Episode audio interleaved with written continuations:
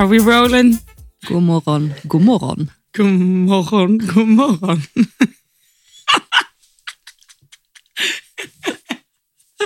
Visst har jag blivit ganska bra på skånska? Jag kom precis på Elsa med att säga Nej, men det var ju ironi. Ja, det tror jag Det var för att jag hade kollat på en, en normal familj. Är den skånsk alltså? Ja, det är Lund.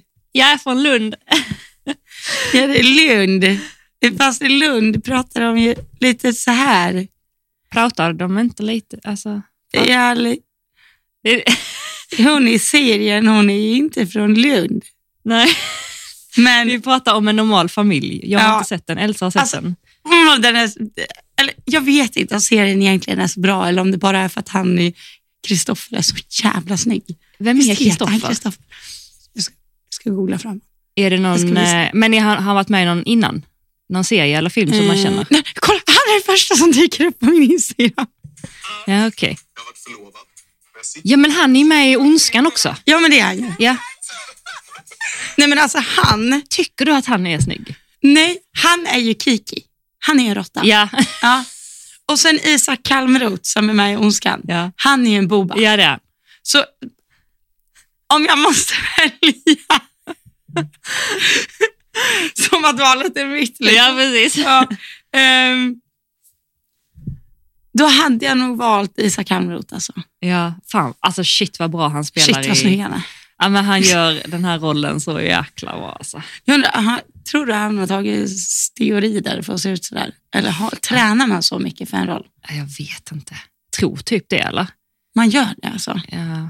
ja, det är helt otroligt. Hans karriär har också gått spikrakt uppåt. Jag vet, alltså jag var inne på deras Instagram alltså när Ondskan började. Typ. Ja. Och då var det, då jag började följa Isak Kalmroth när han hade typ 9000 följare. Ja. Nu är han typ 23 000. Ja. Och det här är två veckor sedan, alltså jag skojar inte.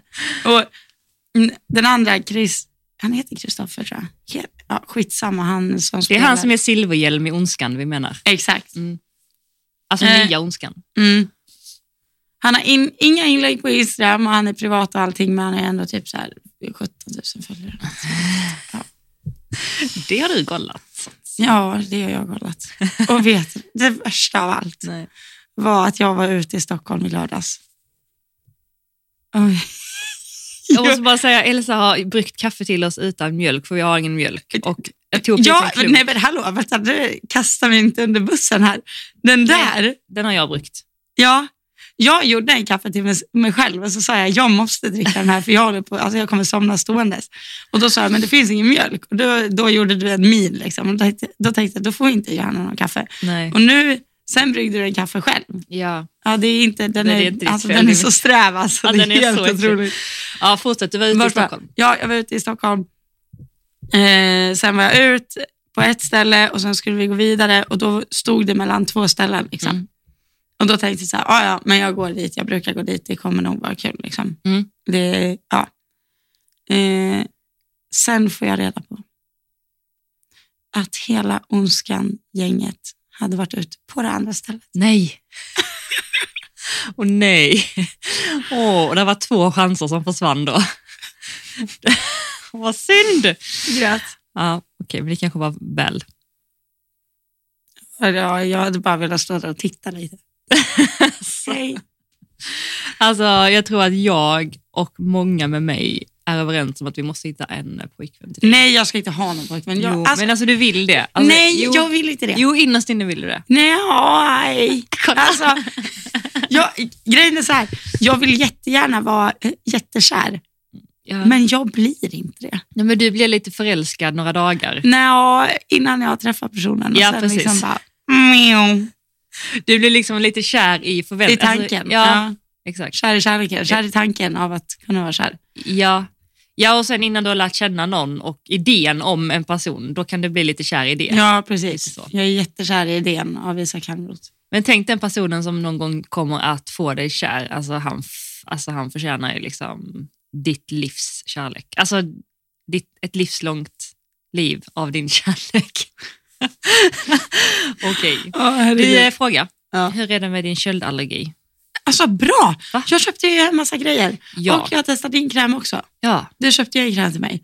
jag vet inte om det är den som är nyckeln eller om det är alla andra grejer, men jag, alltså, jag köttar på. Du köttar på. Men kan du inte berätta, för att, eh, jag vet att vi har fått lite frågor om din allergi också, för att det är många Mm. som har, eh, och hur du har gjort. För du, alltså, vi har ju haft max minus sex här, Ja, alltså, men du fick ju det när vi hade. enough kan jag säga.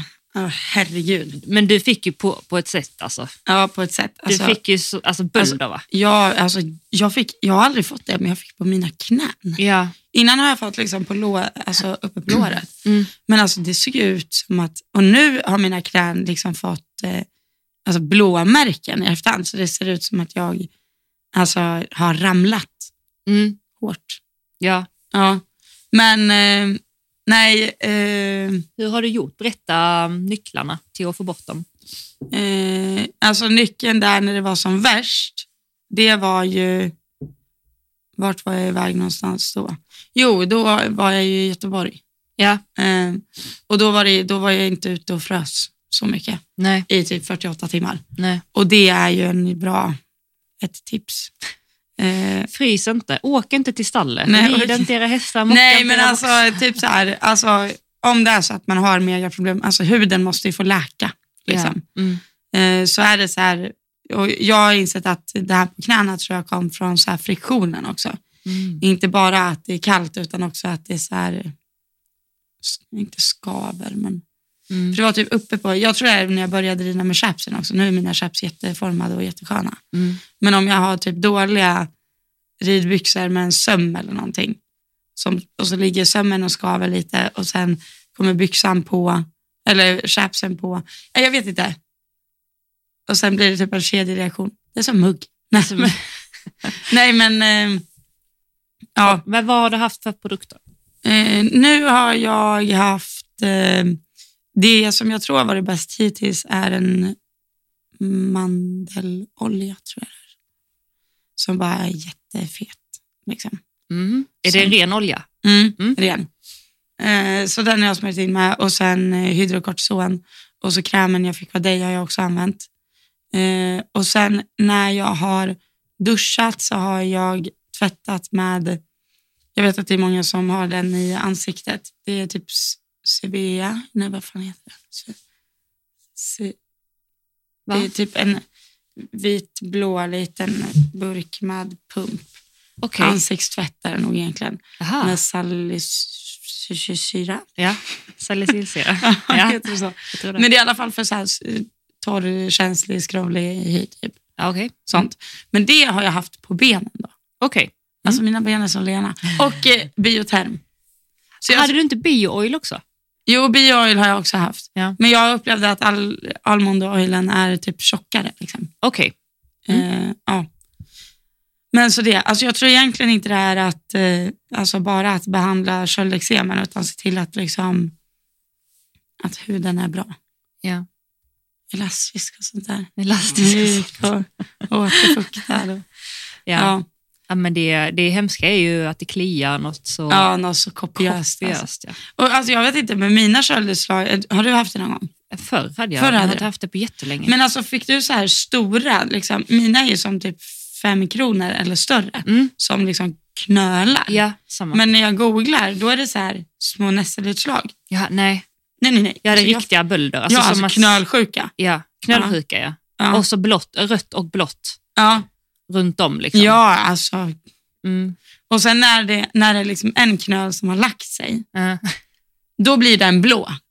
Och så dyker det upp en bredvid som är knallröd. Och jä- alltså, det här är så... Ja, Isa Alltså- Kalmroth, här är jag. Knallsjuka och så vidare. Ja, vad roligt alltså. Men, ehm, Snyggt. men alltså, ja, men du var ju, du, du, nu, alltså, okej, du var till Stockholm, men du var ju på krogen, men du var ju också i, på Friends. Ja, jag var på Friends på ett sätt. Ja, jag är avundsjuk. Jag spenderade så många timmar där och det var så kul. Ja. Alltså, Berätta. det var så roligt. Jag, alltså, jag hängde... Jag var lite på läktaren, kollade några hoppklasser. Mm. Men alltså mest var jag på mässan och hängde med eh, Ride-gänget Mm. och eh, Leadsports. Mm. Och alltså, jag vet jag bara älskar att sitta och snacka häst. I, sådär. Ja, Du hade mycket samtal ju. Jag Mm. pratade med många om mycket. Ja, Och, eh, ja. Nej, det var jätte, jättekul. Verkligen. Ja, ja vad roligt alltså. Mm. Jag har ju, du har lovat att jag ska få testa dina stigbyglar, så jag Mm. ska jättegärna göra det. Mm. Jag ska jättegärna, vad bra svenska. Jag vill jättegärna göra det. Ja. Och du saknades. Ja, Och alla som, alla som pratade med mig sa att jag skulle hälsa dig. gulle. Men så Mm. brukar det vara också när jag är Ja. Själv utan dig. Så bara, Elsa också här.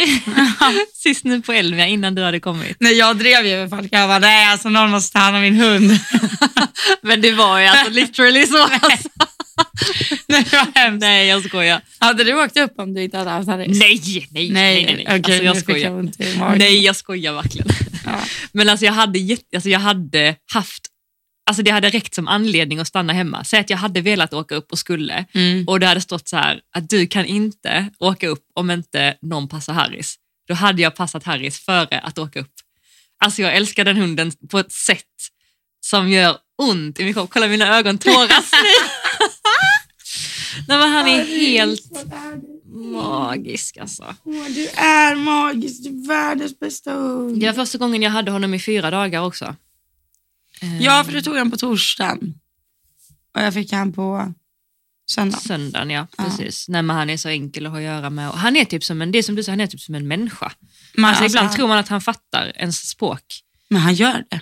Ja, Alltså man kan ju peka var som helst och typ så här. Gå och lägg dig på det där schabraket där. Eller, Ja. Han bara, okej. okej. Hej, nu kommer ni här. Det som är det mest underbara med honom, det är att han är så typ trygg i eh, en människas famn. Att han kan typ lägga sig på en och så bara ligger han där. Ja. Och så lägger han sin nos på ens hals typ. Och så ja, ligger han där. Ja, Nej men alltså det, åh, det var så tomt när han åkte hem. Ja, okej. Men ehm, ja, jag följde faktiskt Friends lite hemifrån. TV4 där eh, sände. Men eh, det har ju varit massa eh, åsikter om TV4 sändning. Eh, det har varit, varför då? nej, för att eh, TV4 har ju aldrig haft eh, sändningar tidigare. Eh, och de sände typ nästan allt ifrån alltså Friends. Mm. Mycket mer än vad typ SVT brukar göra och sådär. På tolvan på TV och sen står TV4 Play då. Men sen mitt i klasserna så kom det jättemycket reklam. Alltså så. Och eh, så man typ, skulle man kolla en klass så kanske man såg en tredjedel totalt. Alltså så. Eh, och jag fattade inte att, för jag har, jag, jag betalar för TV4 Play, men Mm. eh, jag har inte sportpaketet. Jag tror det kostar alltså mellan 400 och 500 kronor i Det har månaden. jag. Ha, Jag skämtar, du kollar med mig? skämtar du med mig? Då hade jag kunnat låna det ju. Ja, det hade du kunnat gjort. Men jag visste inte att, alltså, jag har fattat det nu när alla har pratat om det i efterhand, att man skulle ha sportpaketet. Så jag var bara så här, åh vad kul att de visar, jag är tacksam för det lilla. Du bara, jag kollar jättegärna på reklam. Ja men alltså typ lite så. Men, eh, nej, men, och sen då så kollar jag fredag och lördag och söndag på Friends. Mm. Och sen så var det ju världscupen från eh, La Coruña på Mm. söndagen. Och när jag slog på den sändningen, alltså då fick jag typ så här, bara, gud vad det var liksom väldigt lugnt, väldigt monotont. Väldigt, alltså så här. Mm. Och jag bara, bara slår mig hur otroligt bra, jag vill shoutout till Steffi Holmén alltså, som kör Mm. sin eh, kommentatorgrej på ett sätt som är så otroligt proffsigt och intressant och roligt att lyssna på. För det var sån kontrast när man hade lyssnat på Steffi och sen kom in och lyssnade på Mm. eh, ja, världscupen. Så nej, det, det, eh, lyssnade på det här Steffi, så riktigt grym alltså. Jag har ju inte lyssnat i och med att jag, jag, jag ska göra det. Ja, ja men Ja. verkligen. Mm. Eh, så påläst också. Eh, ja, jättekul. Jättegärna mer Steffi i rutan tycker jag. Ja, kul. Ja. Very nice. Och eh, La Coruña, vad tycker du om det? Eh, alltså jag har faktiskt bara, jag var hos farmor när jag tittade, så jag har, bara, jag har inte fått en hel uppfattning. Jag har kollat typ tre, en tredjedel. Eh, så jag ska kolla klart det. Mm. Har du kollat hela? Ja, det gjorde jag. Okej. Omhoppningen var ju intressant. Och jag har inte sett den. Nej, okej, det ska vara tyst. Nej, du får jättegärna, om Ja. du, men jag kan inte diskutera med dig bara. Nej, men det var ju väldigt mycket fyra felare i omhoppningen. Okej. Mm. Alltså, det- var inte många noll, nollor, Nej, okej. vilket var väldigt intressant. För Okej. det kändes inte... Man bara, vad nolla då? Jag. Var det någon speciell eh, svårighet? Nej, alltså jag tyckte väl inte att omhoppningen var något svårare än många andra banor. Liksom. De, nej. Men eh, nej, det var bara intressant att det var Hur många nollor, alltså dubbelnollor var det då? Tre kanske. Ja. Ja. Okej. Och det var ändå ganska många till omhoppning. Jag kan inte svara på hur många, men det är ju oftast när man är i omhoppning så ser man till att vara... Alltså, eller, det var mer så här, när det hade varit så många fyrafelare, då blev det ju till slut så här, okej du får en bra placering om du bara är felfri. Mm. Men då var ju ändå inte folk felfria. Nej. Det var, det var som att kolla på en omhoppning där de inte hade sett varandra. Jaha, Ja, det var lite intressant. jag ska kolla på den ikväll. Ja, det får jag Jag har tre timmar ensam ikväll.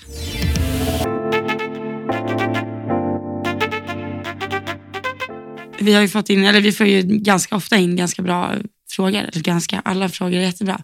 Men det var väl en som jag tycker stack ut lite här. Ja, En Alltså- eh, lite väl omfattande kan man säga. mm. Ja men verkligen. Och så lite kopplat till eh, vårt förra avsnitt Ja, och eh, allt som händer i hästvärlden nu. Mm. Liksom, tyckte jag den var absolut eh, aktuell. Liksom. Mm. vill du läsa upp? Ja, den är ganska lång. Ja. Halloj! Tack för en superbra podd. Jag har sett nästan hela första avsnittet nu om Hellstrand. Hellstrand ja. Hur kan man göra så mot sina djur och fortfarande känna driv och glädje, framgång med det man gör? Angående hästsporten. Jag och min bästa vän håller på med hoppning och gjort i många år. Hon har tävlat upp till 1,45 och jag till 1,35, så man har varit med en del. Vi har ett tag nu funderat kring vart vår sport är på väg. Jag vet att hästar på svårklassnivå måste behandlas regelbundet för att hålla. Jag tror alla som tävlar på 1,50 och 1,60 nivå behandlar sina hästar regelbundet. Jag har en vän som har jobbat hos flera toppryttare och däribland en i vårt landslag. Alla behandlar och det bekräftar även hon. Fundera på om det egentligen känns okej att injicera hästarnas ledare efter tävling för att man måste det. Är det då kanske så att 1,50 och 1,60 banor idag är för högt eller för tufft för hästarnas kroppar? Är det meningen att hästarnas kotor ska hålla för trycket det ger att landa efter ett 1,60 hinder? Kan man utveckla sporten på ett annat sätt som är fair för våra djur? Ser också ibland på World Cup när ryttare missar och hästarna dundrar igenom hinderna och det har hänt mig också. Men är det egentligen fair? Ser när många ryttares precision försvinner för att banorna kanske är för svåra för dem. Det slits och det dras i munnarna på hästarna. Är det fair? Man funderar på hur länge vi ska kunna hålla på med vår sport. Jag tror tyvärr inte det är för evigt. Sjukt bra fråga. Ja, Ja, djupdykning kan man säga. Eller vad? ja alltså, Eller både och. ja, alltså verkligen. Både du och jag har ju haft, vi kallar det identitetskris. Ja, ja alltså verkligen. veckan. Ja, Alltså jag vill ju kalla det som händer i ridsporten är ju en lite så här, eh, en liten så här häst, ridsport metoo. mm. Eller det, det kommer ju vara något som händer här, ja men precis. tror jag. Och- En tid innan, en tid efter. Exakt, Mm. exakt. En tid innan och en tid efter. Och jag såg bara nu, eh, mm, jag fick upp någon klipp på TikTok när det var någon som red fram i Friends Arena till dressyren. Och där jag tyckte det var så här, alltså helt normalt. Så den formen som dressyrryttare rider i egentligen. Eller dressyr, ja men alltså som Grand Prix-hästar går i. Och du vet kommentarsfältet var ju bombarderat med liksom, det är holkyr. Mhm. Det är sådär nosen är, alltså nosen var kanske pytte pytte ytter bakom någon gång liksom.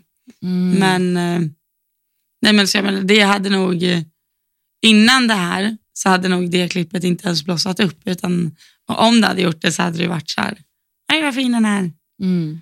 Men nu, eh, folk granskar ju. Mm. Alltså verkligen. Mm. Jag eh, tänkte exakt på det lite grann. För det var en som hade skrivit en krönika i tidningen Ridsport.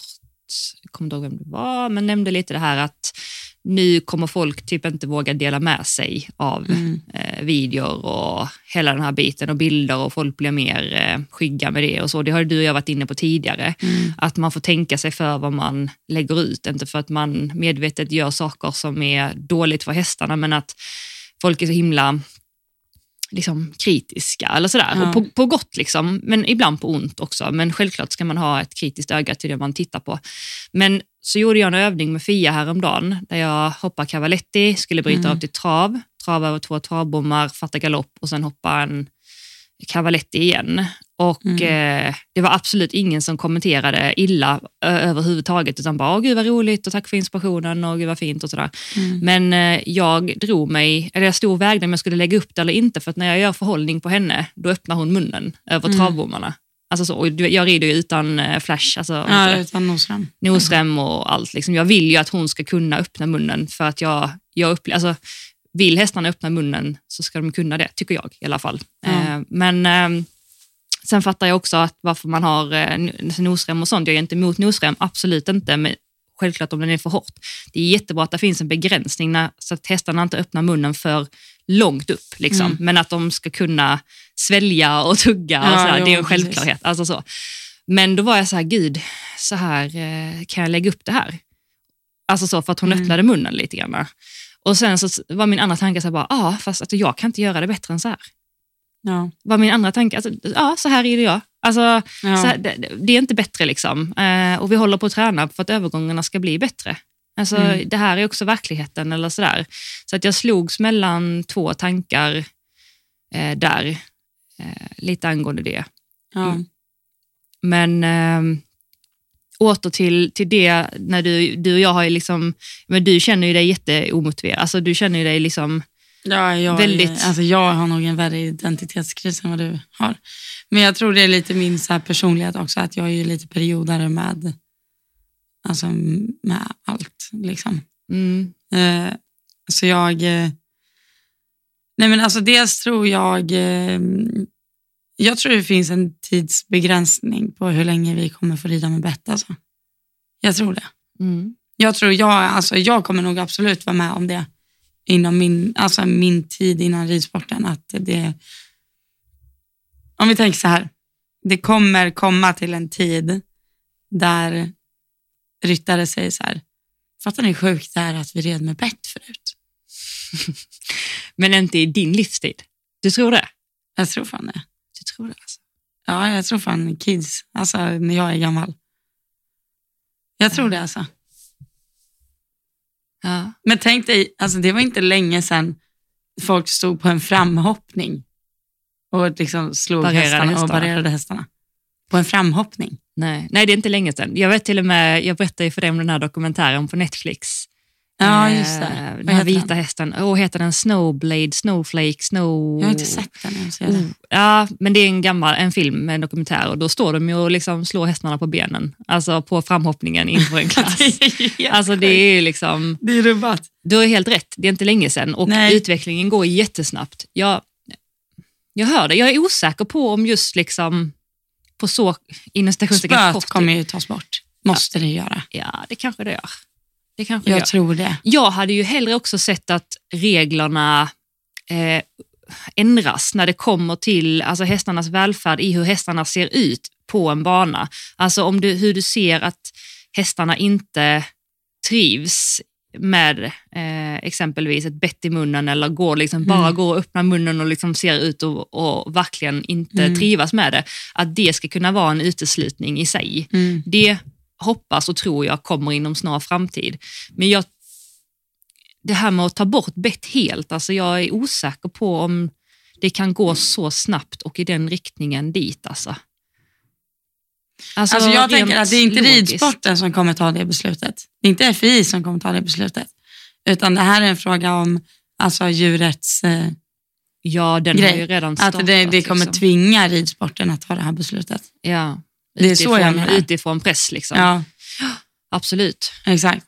Men eh, det där tycker jag är viktigt att du säger, det där med att hästarna trivs. För, men det är så svårbedömt. För till exempel, nu tror jag det var Stiger där som red eh, sin EM-häst förra världscupen förra veckan, eller inte i söndags utan veckan innan. Mm. Och då säger kommentatorn så här att man kan se på den här hästen att den hoppar väldigt naturligt väl.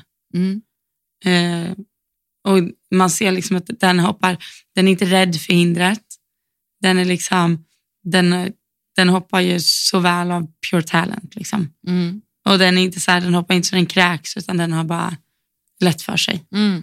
och gör sitt jobb liksom. Mm. Och där tycker jag det är jätteviktigt, för det kan man ju se med, alltså med ögat om en häst är liksom forced till att hoppa felfritt eller om den är välriden till att hoppa felfritt. Mm.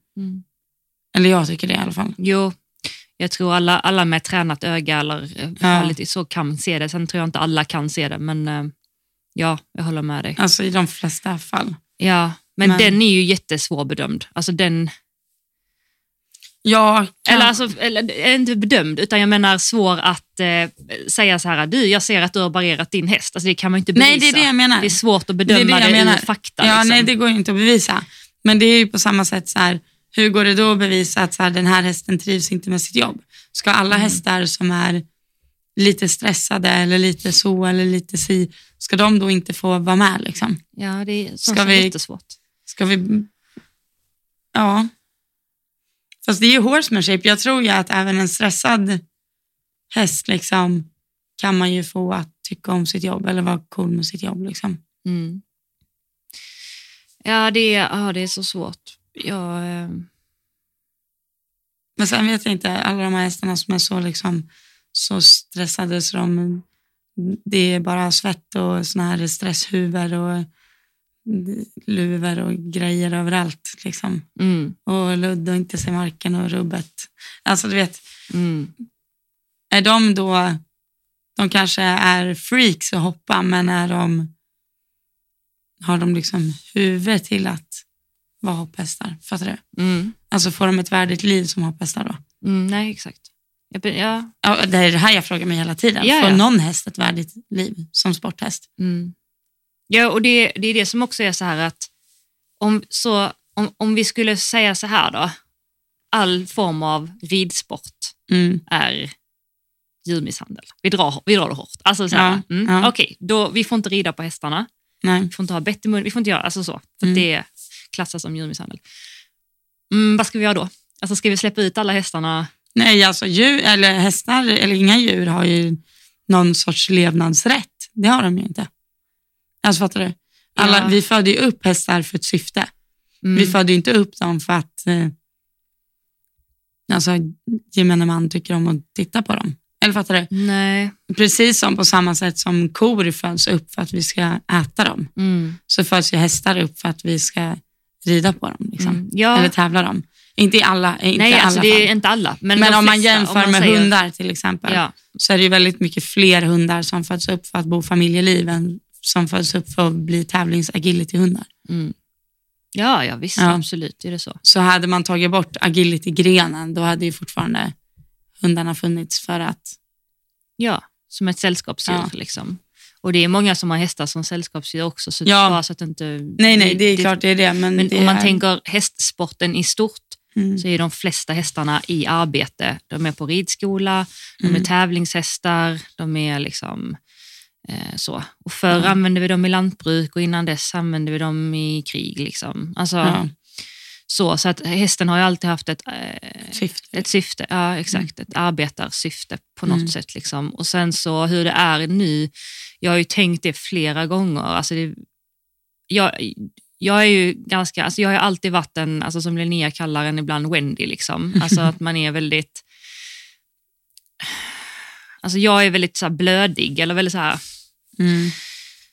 sälja hästar och liksom vara tu- tuff. Jag är ganska lätt i min ridning och min hantering av hästar är väldigt så här, så jag har svårt att liksom vara tuff både mentalt och fysiskt. Alltså så. Mm. Eh, Eh, jag har tänkt ibland, liksom, vad, vad gör vi med hästarna? Alltså, gör, alltså, så står det vad jag menar, alltså, jag gör ju det själv. Jag sitter ju på hästen, jag har, ger den tryck, Mm ber den flytta på sig, ber den gå fram, drar den i munnen, går den tillbaka, ber den tillbaka. Alltså så. Ja. Vi åker dem, ställer dem i en hästtransport och åker två timmar till en tävling och där står de och väntar i en liten box och så tar vi ut dem och så rider vi på. Alltså, nej, men alltså, och sen sätter vi in dem i, i en box och sen tar vi ut dem i en hage och sen tar vi in dem i en box igen och sen sätter vi dem på uppställningen. Och så rider, alltså, ja, alltså jag, som sagt, jag är den första att säga att jag är en hycklare när jag säger så. Alltså, Nej, men jag, förstår du vad jag menar? Men, men jag jag, är ju tycker typ att så här, alltså, ja. det finns, det finns liksom, det, finns, alltså det är okej att ifrågasätta vad vi håller på med. Liksom. ja. Alltså så, jag tycker inte det är konstigt att ifrågasätta Nej. vad vi håller på med. Och sen, eh, Sen nej, jag håller med dig 100 procent. Mm. Och det är så här, och vi sitter ju inte på lösningen. Alltså, Nej, nej, det är ändå, Nej, och det var, Då får man sluta rida. Alltså, ja. det, Nej, för jag, vi har, vi, både du och jag och de flesta som håller på är ju uppväxta i en, häst, alltså i en hästkultur. Mm. Alltså så. Och då är ju allting som vi pratade om sist, det här att den omgivningen man är i blir ju ens, så som alla andra gör, blir accepterat. Mm. Så att det är ju inte konstigt. Nej, Alltså att man tar, alltså att saker är självklara, men ser du på typ hästsporten utifrån med allt, mm. då återigen förstår jag att man tänker liksom, Mm. okej varför gör man så här? Eller, Alltså det jag funderar på, det är om, alltså vi kan ju rida, eller jag tänker att vi rider enligt liksom, det som vi kallar ridhandboken ABC. Liksom. mm, Att eh, målet är att rida hästen mellan hand och skänkel, att eh, få den att jobba med sin överlinje, att liksom kunna spänna bågen, att eh, kunna sätta svung, allt det där. mm, tar vi bort, om vi säger att vi tar bort eh, bett och träns och liksom, det kommer ju vara en helt nytt sätt av att, alltså det kommer ju byggas fram en kunskap som inte finns. ja. Ett nytt sätt att göra det Ett på. nytt sätt att göra det på. Mm, Eh, och hur man rider hästen i balans. Mm. Och får den att hoppa eller göra vad, vad vi nu vill att den ska göra. mm, Eh, och då, alltså, det här är så, vi tänker att det inte finns något annat sätt. mm, Eller jag tänker det i alla fall. mm, Fysiologiskt så tänker jag att man måste rida hästen mellan hand och skänkel för att den ska vara i balans och hoppa felfritt. och och skapa Men- anspänning. ja, och, mm, Men det är ju det enda sättet jag vet om. mm, Liksom. mm, Men Det är det enda sättet alla våra gamla rävar i ridsporten som vi säger att vi kan ta massa kunskap ifrån, vilket jag tycker. mm, Men i, alltså det, är det, som, det som kommer hända i sport, alltså de sakerna, tar man bort saker eller lägger till saker eller hur man nu gör, kommer ju behöva ändra utförandet mm. Verkligen. och komma på nya sätt. Liksom. Och det tving, alltså reglerna kommer ju tvinga en att göra det om man sätter reglerna utifrån. Men utan regler, nya regler, så kommer ju, tror jag inte hästsporten kommer att gå dit. Nej, Om inte man blir tvingad att göra på ett annat sätt. nej. Alltså generellt menar jag nu, inte på individnivå utan så allmänt Mm. generellt. Ja, det är sjukt. Men jag... Eh, ja. Behöver man rida hästen mellan hand och skänkel? då? Måste man det? Går den sönder annars? Eller liksom, hoppar den inte annars? Eller vad händer? Mm. Ja, men det finns ju exempel på att man inte behöver det. Alltså jag tror ju, alltså, alltså jag har ju kommit från en filosofi tidigare eller sådär. Alltså jag, så man, ser, man ser på mina videosar, alltså back in the days eller sådär, Mm. så har jag ju ridit mina hästar på mycket egen förmåga och egen balans. Alltså jag har typ så här, Mm. hållit tyglarna, hållit en väldigt, väldigt lös kontakt Mm. och bara gått med dem. Alltså så här, jag har inte skapat så mycket anspänning, jag har inte skapat så mycket tryck, utan jag har bara gått sådär. Och då, då kan ju hästarna hoppa på sin egen kapacitet. Liksom. Mm. Eh, sen när man skapar mer tryck och mer anspänning och sådär så tror jag, man, så tror jag vet att man kan öka hästens kapacitet. Liksom. Ehm, men alltså tillbaka till din fråga, så ja, det är klart att du kan rida runt, tror jag, på ett sätt. Så här, men jag tror att det blir svårt. Jag tror inte du kan ta en häst, inte ha den mellan hand och skänkel och få dina hjälper och rida de banorna som finns idag. Men det finns ju jättemånga som eh, får sina hästar och piaffa och grejer i halsring. Liksom. Ja, jo men, eh, ja. Och det är ju väldigt sittande, eller liksom väldigt, det är anspänning. ja, men om du tänker att du har 1,60 hinder där du ska ha dina fyra fram och sen ska du ha dina fem tillbaka sen ska du snabbt tillbaka. Alltså, jag säger inte att det är omöjligt, jag Nej. menar bara att jag tror att om man ska rida på det sättet, och jag säger inte att det är rätt eller fel eller så här och jag, som sagt, jag tror verkligen på att vi behöver utveckla ridsporten, men jag tror att ba, ridsporten, banor och svårighetsgrader och sådär måste ändras då. Ja, Jag tror ja. det blir svårt att utföra dagens krav. Mm. Men lite tillbaka till frågan där. Ja, just det. Vi För har ju hon- din fråga. Hon sa ju det också om att eh, typ behandla hästarna och, Ja. och så. Och det tycker jag också är galenskap. Jag är ju en sån här antikortisonare tänkte jag säga. Ja. Eller anti-injection. Eh, och där, tillbaka till vad vi pratade om. Om det då ska bli mer så här frihetsdressyrshoppning. Mm. Nej, då kommer det inte kunna vara 1,60 hinder som kräver mycket ben och mycket hand och liksom dit ska du svänga och vara mellan skänk, alltså så. Mm. Då kommer det behöva vara mycket lägre. Alltså tänk världscupen i halsring liksom. Ja, det är ju skitsvårt. Alltså, det, det, det kommer ju vara Cavaletti liksom. det kanske är det nya, det är liksom Caprill, eh, de här Caprilli-banorna. Ja, ska ja, hoppa exakt. Och sen dressyr. Alltså jag gillar det konceptet, alltså tänk vad bra att kunna ha... Men så är det typ equitation. Alltså, Ja, det är sant. Ja, det var jättebra.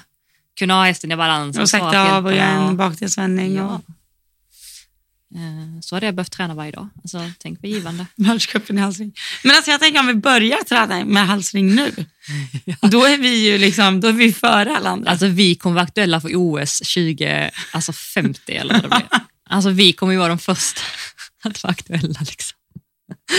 Nej, herregud. nej men eh, ja. Nej men jag, jag, jag, jag Alltså, ja, det använda, alltså det har alltid varit för mig att Ja. använda force till att göra saker tror jag aldrig är en lösning. Alltså. Det tar ju, grejen är att det tar ju längre tid eh, att göra saker och ting utan kraft, eller om du förstår vad jag menar, utan tvång Mm. och kraft. Det, du kan få saker att bli snabbare gjorda, men inte långsiktigt. Nej. Du kan få en kortsiktig framgång. Det här pratade ju vi om också häromdagen. Ja, Och då kommer vi fram till det egentligen att varje, så här, varje gång du förstärker en hjälp, mm. liksom beyond att du säger, alltså om du lägger på ben och så säger du så här, ja mer fram. Så, liksom. Ja, Mm. fast ännu lite mer. Om det då skulle liksom bli, mm, alltså, fast nej, fan ska man få kalibrera in då en framåthjälp om man inte får lägga på ben mer? Mm. Nej, det är svårt. Eller gör man skritthalt då och kommer med lite? Nej, du, du, ja. Jo, men vi pratar väl inte om ändå lite olika nivåer av, alltså jag menar ju, det du pratar om nu är ju så här att jag lägger till skänken på en Mm. etta, min häst svarar inte, jag lägger en tvåa. Mm. Den svarar inte, jag lägger en trea. Alltså det är klart att du måste få göra det för att hästen ska förstå. Det är ju samma med en hund. Du ber ju om en sak lite och sen förstärker du. Och sist, så är det med människor också. Fast jag skulle säga hund, eh, hundvärlden så finns det så mycket mer olika sätt Ja, det är, ju- än vad det ja, gör det är i häst. Ja. Det känns som att eh, de flesta trän tränare har någonstans lite samma vision om hur, hur det ska vara. Liksom. Ja, jo, Eller lite grann. Medan hund, eh, hundfolk är ju, alltså gud det finns så många olika, Ja. olika sätt alltså. Ja, jo det är sant. Men jag menar liksom när man, när man eh, utsätter hästen för onödigt mycket alltså, Tryck, våld, tryck ja. och våld och så här för att få saker och ting eh, att hända snabbare. Eh, och det det jag vill komma in på, det du säger med att injicera och eh, behandla hästarna och så här, Mm. det är ju också återigen det här långsiktigt, kortsiktigt. Att det går ju, om, om hästen har en, en, en liten inflammation eller sådär, Mm. nu säger vi en liten inflammation, alltså Mm. Liten inflammation. Så i de allra flesta fall så kan ju den hästen läka ut om den får vila och tid. Mm. Men det går ju snabbare om Mm. du skulle spruta in kortison eller PRP Mm. eller vad det nu liksom så här. Och det är återigen det här att jag tror att det finns inte den tiden att ge hästarna återhämtning. Nej. Ehm, Nej, det tror inte jag heller. Men där, det är ju också för, alltså, typ världsrankingen tickar på hela tiden. Alltså otroligt som du och i säger. så fall lär det införas en regel om att samma häst får inte gå världscupen mer än en gång i månaden. mm, Liksom. ja, Eller något sånt. mm, Och det kommer krävas att alla har ännu mer hästar. ja, Eh, Och då kommer vi föda upp ännu mer hästar och ännu mer hästar kommer hamna på mm. dåligt. Alltså, ja. Om man vill ha hästarna i sporten länge, så att, och men man vill ändå rida de högsta klasserna så snabbt som möjligt och det tycker jag inte går ihop riktigt. Liksom att Nej. Om en åttaåring ska gå 1,50, alltså jag tycker liksom att det är, eller en sjuåring får hoppa 1,45 va? Alltså så. Mm. Det, det, jag tycker det, det, det behöver pushas liksom. Alltså det, Mm. Eh, och jag har aldrig riktigt stått för det. Eh, med det sagt det är min egen, hur jag gör med mina hästar, vilket jag varken säger rätt eller fel, men eh, jag Nej. gillar ju att, att ta tid på mig. Liksom. Och det rimmar inte med att ha försäljningshästar eller sådär. Det som du och jag har pratat om sista tiden där, att, Mm. att jag känner inte mig bekväm att ha försäljningshästar och sådär, för det sätts ett visst krav eller en press på en liksom, att det ska ske i en viss takt och det ska göras snabbt. Liksom, och, på, och ja, det, ja, jag trivs inte med det helt enkelt. Nej. Ehm, Nej, det är jätte, jättesvårt. mm. Alltså, mm. ja, det, det är liksom, vi landar ju bara i att vi också är hycklare alltså, i det här. ja. Tänkte jag säga. Nej, men Jo, vi, jag men kan det- stå för allt jag gör med mina, Det kan jag också. mina hästar, absolut. Men jag kan också ifrågasätta det alltså på en större, Mm. ett större plan. Liksom. Men jag hade inte alltså, satt mig i en diskussion med en viss svensk influencer liksom, och börja prata djurrätt. Nej, nej. För det, är- där, är man ju liksom, där är man ju körd. ja. Där går det inte att försvara sig själv. Nej, jag tycker det. Det gör det ju inte. Nej, alltså till någon, folk som inte kan häst. Liksom. ja. nej, nej, exakt. Eller jag kan inte det i alla fall. Nej, nej, jag, jag tycker också det. Samt, så, alltså, samtidigt som vissa av de sakerna hon har sagt som har varit liksom rent så här, om man tänker så här, faktafel eller sådär, det kan man absolut korrigera. att jag minns inte exakt vad hon hade sagt, någon, med någon nosgrimma eller att Ja. hon hade sagt att det var, jag vet inte, alltså absolut, men att hon ifrågasätter liksom hästvälfärden. Eller, alltså ja, jag kan absolut köpa det. Eh, och sådär. Så säger jag inte att hon har rätt i allt, men Nej. eh, Nej, men, men- jag kan förstå utifrån sett att det ser ut så. ja, Alltså, ja, det är precis, jag tar alltid det hundexemplet. Alltså. Om vi hade haft ståltråd i munnen på hundar och metallpicka i magen och ja, pisk bakom. Liksom. ja. Hade jag sett det mot en hund då hade jag bara, what the fuck alltså. Ja, jo, jo, absolut.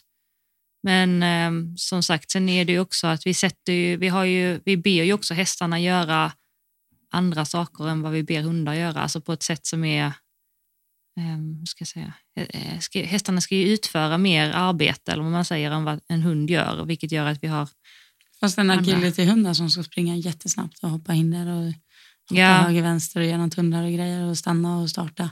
ja, ja absolut. Alltså det är ju så när man ser eh, hästmänniskor eh, som är duktiga på frihetsdressyr, Ja. eh, och få hästarna med sig med Mm. inga hjälpmedel. När man ser att det är möjligt, Mm. eller sådär, eh, då, då blir då, då, som, som vi har pratat om, då kan man ju ifrågasätta vårt sätt att göra det. Alltså det, det är Liksom. kul att säga det för hon, eh, hon som var med på eh, showen nu i Stockholm Horse Show som hade massa vita hästar och en hund. Och, Ja. ja. Jag frågade faktiskt flera ryttare Mm. på mässan, att så här, för då kom det upp på skärmen. Ja. Så frågade de så här, okej, hade man tagit världens liksom, fem bästa hopphästar istället för de här i ung ålder. Så de var liksom gröna men väldigt bloody, väldigt så här, alltså uppfödda för att verkligen prestera, alltså vara atleter. Hade hon fått de hästarna, fått ha dem fem år, hade hon kunnat gjort det här numret då med de hästarna. Alltså Mm. King Edward typ och dem. Och de flesta var ju eniga i att hon inte hade klarat av det. Jag tror att hon hade klarat av det. Mm. Alltså jag tror det. Mm. Jo, men jag, är nog, jag är beredd att hålla med. Alltså. Tror Alltså, det. även om det är jättemycket blod och liksom att det ibland kokar, alltså ja, spruta eld ur öronen på en sån hopphäst, ja. så tror jag att med alltså, riktigt, riktigt gediget horsemanship, Mm. att hon hade fått dem med sig inne på Friends Arena trots den här skärmen och allting. Mm. Få dem där och ligga och rulla sig och sånt där. Ja. ja. Men tror du att vi, för det åter, återigen det här när den här influencern la upp det här, så gick ju hela ridsporten emot, alltså det var väldigt så här, försvarade sin sport. Ja. Eller så här, ja.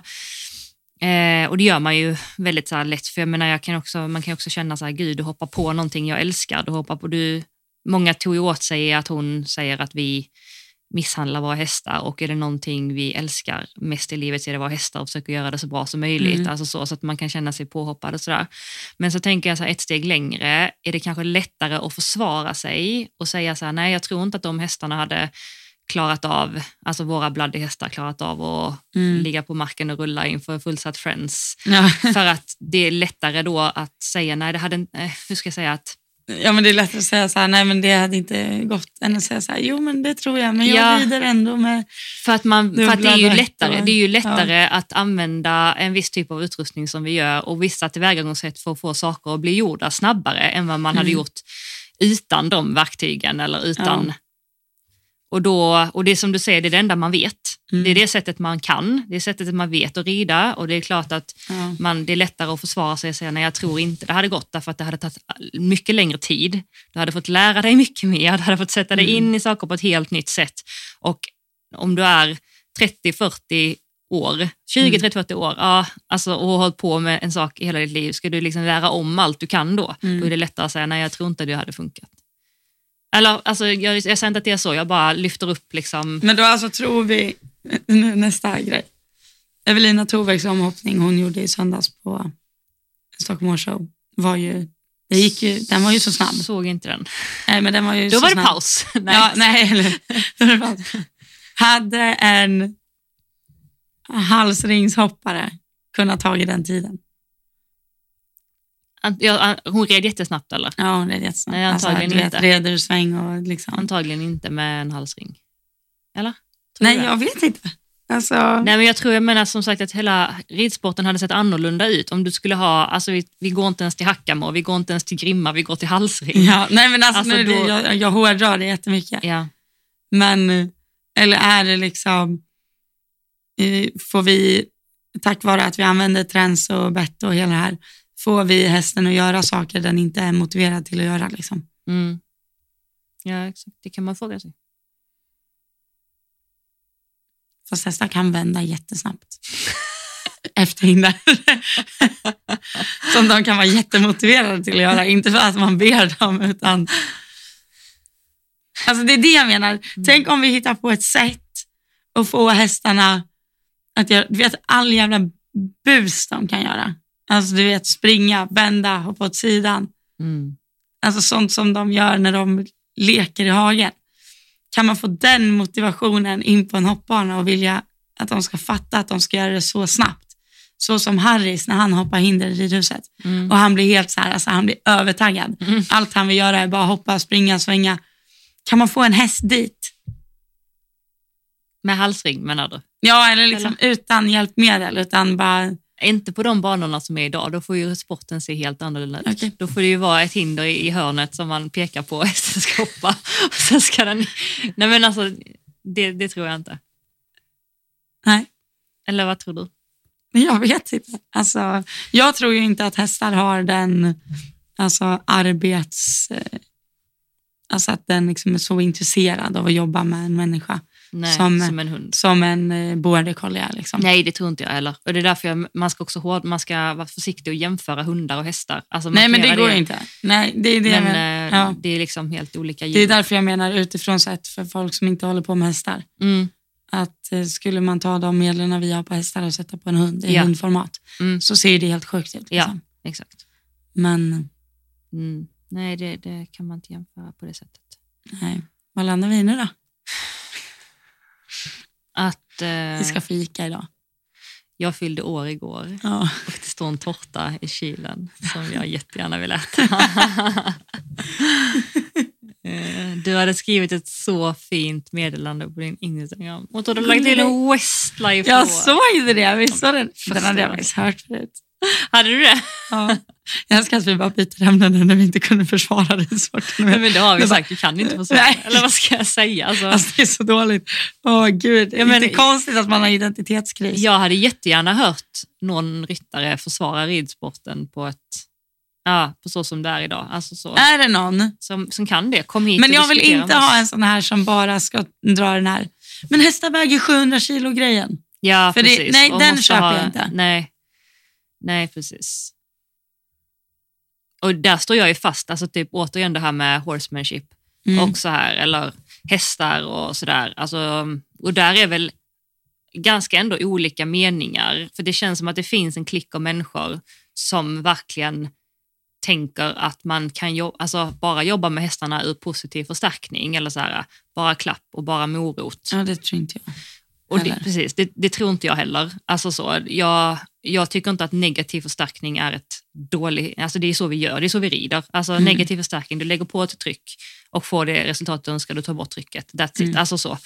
Mm. Eh, och jag upplever ju som har gjort hela resan själv, nu bara utgår jag från mig själv, så ta det utifrån vad jag upplever, som har haft noll koll på horsemanship, eh, tänkt att jag kan klappa mig till att få det resultatet jag vill, alltså verkligen. Eh, ge, om hästen står och skrapar på uppställningen har jag gett den godis. Om hästen går över mig så det, har jag bara sagt så här, nej, arr", liksom, gå inte över mig. Gjort en volt. Ja, och, eller ryckt den i grimman liksom, alltså Ja. för hundra år sedan.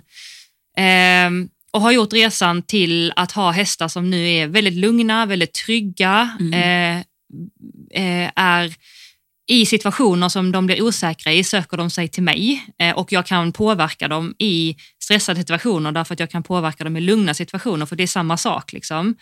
Mm. Eh, och det har inte jag gjort genom att klappa dem och ge dem morötter utan jag har gjort det genom att applicera tryck, jag har gjort det genom att liksom, ha negativ förstärkning, jag har gjort det Ja. genom att vara väldigt tydlig i att det här är mitt space, det här är ditt space, gå Mm. inte på mig, gå inte över mig. Alltså hela den här biten och ehm, eh, det, det tror jag 100% liksom på. Mm. Ehm, att tillbaka till det du sa, så här, Åh, hästar är 700 kilo, 600 kilos djur och de är farliga, vi måste ha bättre. Alltså jag, jag tror att du kan inte, det blir farliga djur. Jag håller helt och hållet med. Mm. Det blir jättefarliga djur om du inte har ett bra liksom, horsemanship. 100 procent. Mm. Sen tycker inte jag det har med bett eller inte att göra, utan det har med liksom hela alltet eh, Mm. runt omkring. Eh, och jag tycker det blir mer farligt eh, om du inte sätter gränser för hästar. Och det är inte Mm. att vara taskig mot hästar. Hästar blir liksom inte ledsna för att du trycker undan borden, eh, bogen på dem. Mm. Så här, åh nej, du rörde mig, vad taskigt. Utan tvärtom är det ganska skönt för hästarna att veta att så är det alltid. Ja. Det är min plats, det är din plats. Ehm, och det är samma om man tänker med hästarna i flock och sådär. Med, med, man tar alfahästen som är ledare och sådär. Och de som är efterhängare, liksom, de lägger ingen värdering i så här, och det är bättre att vara ledarhästen. Det är bättre att vara den andra, utan det bara är. Det är nästan lite jobbigare är att vara den, ledare. det är den flocken som är bra. Alltså, ja, men exakt. Det är den flocken som är lugn. Ja, En lydig häst är en lycklig häst. ja men alltså verkligen. Eller det tror jag. Och hästar som, jag menar det är ju, om man tänker så här, vad gör ledaren? Hästen, ja men den bits, den sparkas, den liksom kör, Mm. alltså den verkligen håller koll på flocken, ser till du gör detta, du gör inte detta, så får man göra, så får man inte göra. Ja. Kräver ganska mycket ansvar. Eh, och den gör inom citationstecken dumma saker mot flockmedlemmarna. Mm. Men flockmedlemmarna är ju inte så här, åh nej, den sparkade, den biter mig, utan tvärtom blir den lugn och trygg därför att någon annan tar ansvar. Mm. Flockledaren säger till, nu har vi ett hot, nu måste vi springa, nu är det lugnt, nu kan vi beta. Vi måste vara dem. Liksom. Mm. Och det, alltså, Upplever du någon gång att, eh, jag vet inte om det här är ett samband, jag kom på det nu. För eh, jag tog in Lasse sist från Hagan igår så han var lite stressad då. jag såg det. Eh, ja, då såg du också att jag gick där fram och tillbaka. Ja, jag 17 såg ju i ögonvrån att du höll på med något, men jag Ja. kollade inte på dig. Nej, men då eh, gick jag in och ut från hagen massa gånger för att han blev typ rädd för tråden och hoppade iväg. Ja. Och då tänkte jag att då lär jag göra det här fler gånger nu så han inte gör likadant imorgon. Eh, tills han var lugn. Och då direkt när han är lugn så sänker han huvudet och börjar tugga. Unghästar, typ föl eller så, när de blir tillsagda eller liksom av en som är högre i rang, då tuggar ju de också. Mm, exakt. Hänger det ihop? Tror du? Men det gör de väl att de liksom vet, alltså jag spekulerar högt, jag har inte facit, det finns säkert de som lyssnar som har facit där, men att de liksom känner att de hittar sin plats. Eller ledaren säger så här, du behöver inte oroa dig, du kan vara lugn, du kan vara trygg, hallå ställ dig där. Och då är följden så här, okej. Förstår du Fast, vad jag menar? ja, fast föltugget kan ju vara mycket mer frekvent också. Men jag tänker ändå om det har med samma, att det är liksom en kommunikationsgrej. Mm. Att, eh, att när de är liksom under i rang Mm. och mer så här, ja, jag behöver inte ha huvudet högt och ha koll på omgivningen. Liksom. Mm. Att det är, det, det är där tugget grundas. Liksom. Jag vet inte. Nej, jag fattar är inte det vad någon som har menar. svar på det här? Vad men, alltså, nu fattar jag nog inte vad du menar. Nej, men alltså, om du är, är ute med dina hästar och de är spända för någonting ja. och de har huvudet högt och så här, då skulle de inte börja tugga. Nej, det, det Nej. gör de inte. Nej. Utan det gör de ju när de sänker huvudet Nej, och det, är lugna. det, Liksom. Ja, exakt. Men just föltugget, Ja. Det kommer ju ofta när ett föl eller unghäst liksom interagerar med en annan häst som inte är deras mamma. Då direkt sänker de i huvudet och börjar tugga. Liksom. Okej. Ja. Men av en liksom, lägre i rang-grej. Kanske mer en avspänd grej. jag vet inte, Ah, lägre det- rang. Ah, nu fattar jag vad du menar. Ja. Okej. Mm. Ja, bra fråga faktiskt. Eller om det hänger ihop då. Att eh, låg rang och avspänd, om det kan vara samma... Mm. I don't know. Mm. Exakt. Hade, det hade varit jättekul att ha en, eh, en riktigt duktig tjej Ja. eller kille som Någon som kan är specialist på hästen. Ja. Om det är någon som sitter och lyssnar här och skulle vilja vara med i podden eh, och Ja. har en mick, det enda ni behöver ha det är en mick. Eh, Komma till Höganäs Antingen komma till Höganäs eller, ha en mick. hemma. Så skulle vi jättegärna vilja spela in Mm. ett avsnitt. Nu tror jag att folk eh, börjar komma Ja, här. Vi ska fika, nu ska vi fika. om eh, några minuter. Men eh, vi tackar så mycket för idag vänner. Ja, och vi säger tusen tack för den bra frågan också. Alltså Här, jättebra. nu är det vi, nu kom, ni kan komma in om ni vill. Nu vi, ska bara, vi ska bara avsluta här. Men är det så att man känner att man har fått med sig någonting den här veckan så har vi ju vårt swishnummer i vanlig ordning. Ja, Och vi vet att det är jul och så, men ja, vill man vara med och sponsra så vi kan fortsätta göra det här Ja. så är det bara att skicka en, det räcker med en 10 eller 20 eller någonting. ja. Och vad gulligt du träffade någon på Ja, det var en tjej, ja, det var en kille som kom fram och hade, alltså visade så här att ja, jag bara vill säga att jag stöttar podden och så visar han en swish på 200 kronor. Alltså, så vilken jäkla gulligt. Guld, alltså guld. Ja, verkligen. Tusen, tusen tack. Tack snälla alla ni som stöttar oss varje vecka. Ja. Ni är helt otroliga. Vi Verkligen. ses nästa vecka. Gör vi. Puss och Hej. kram, hej då!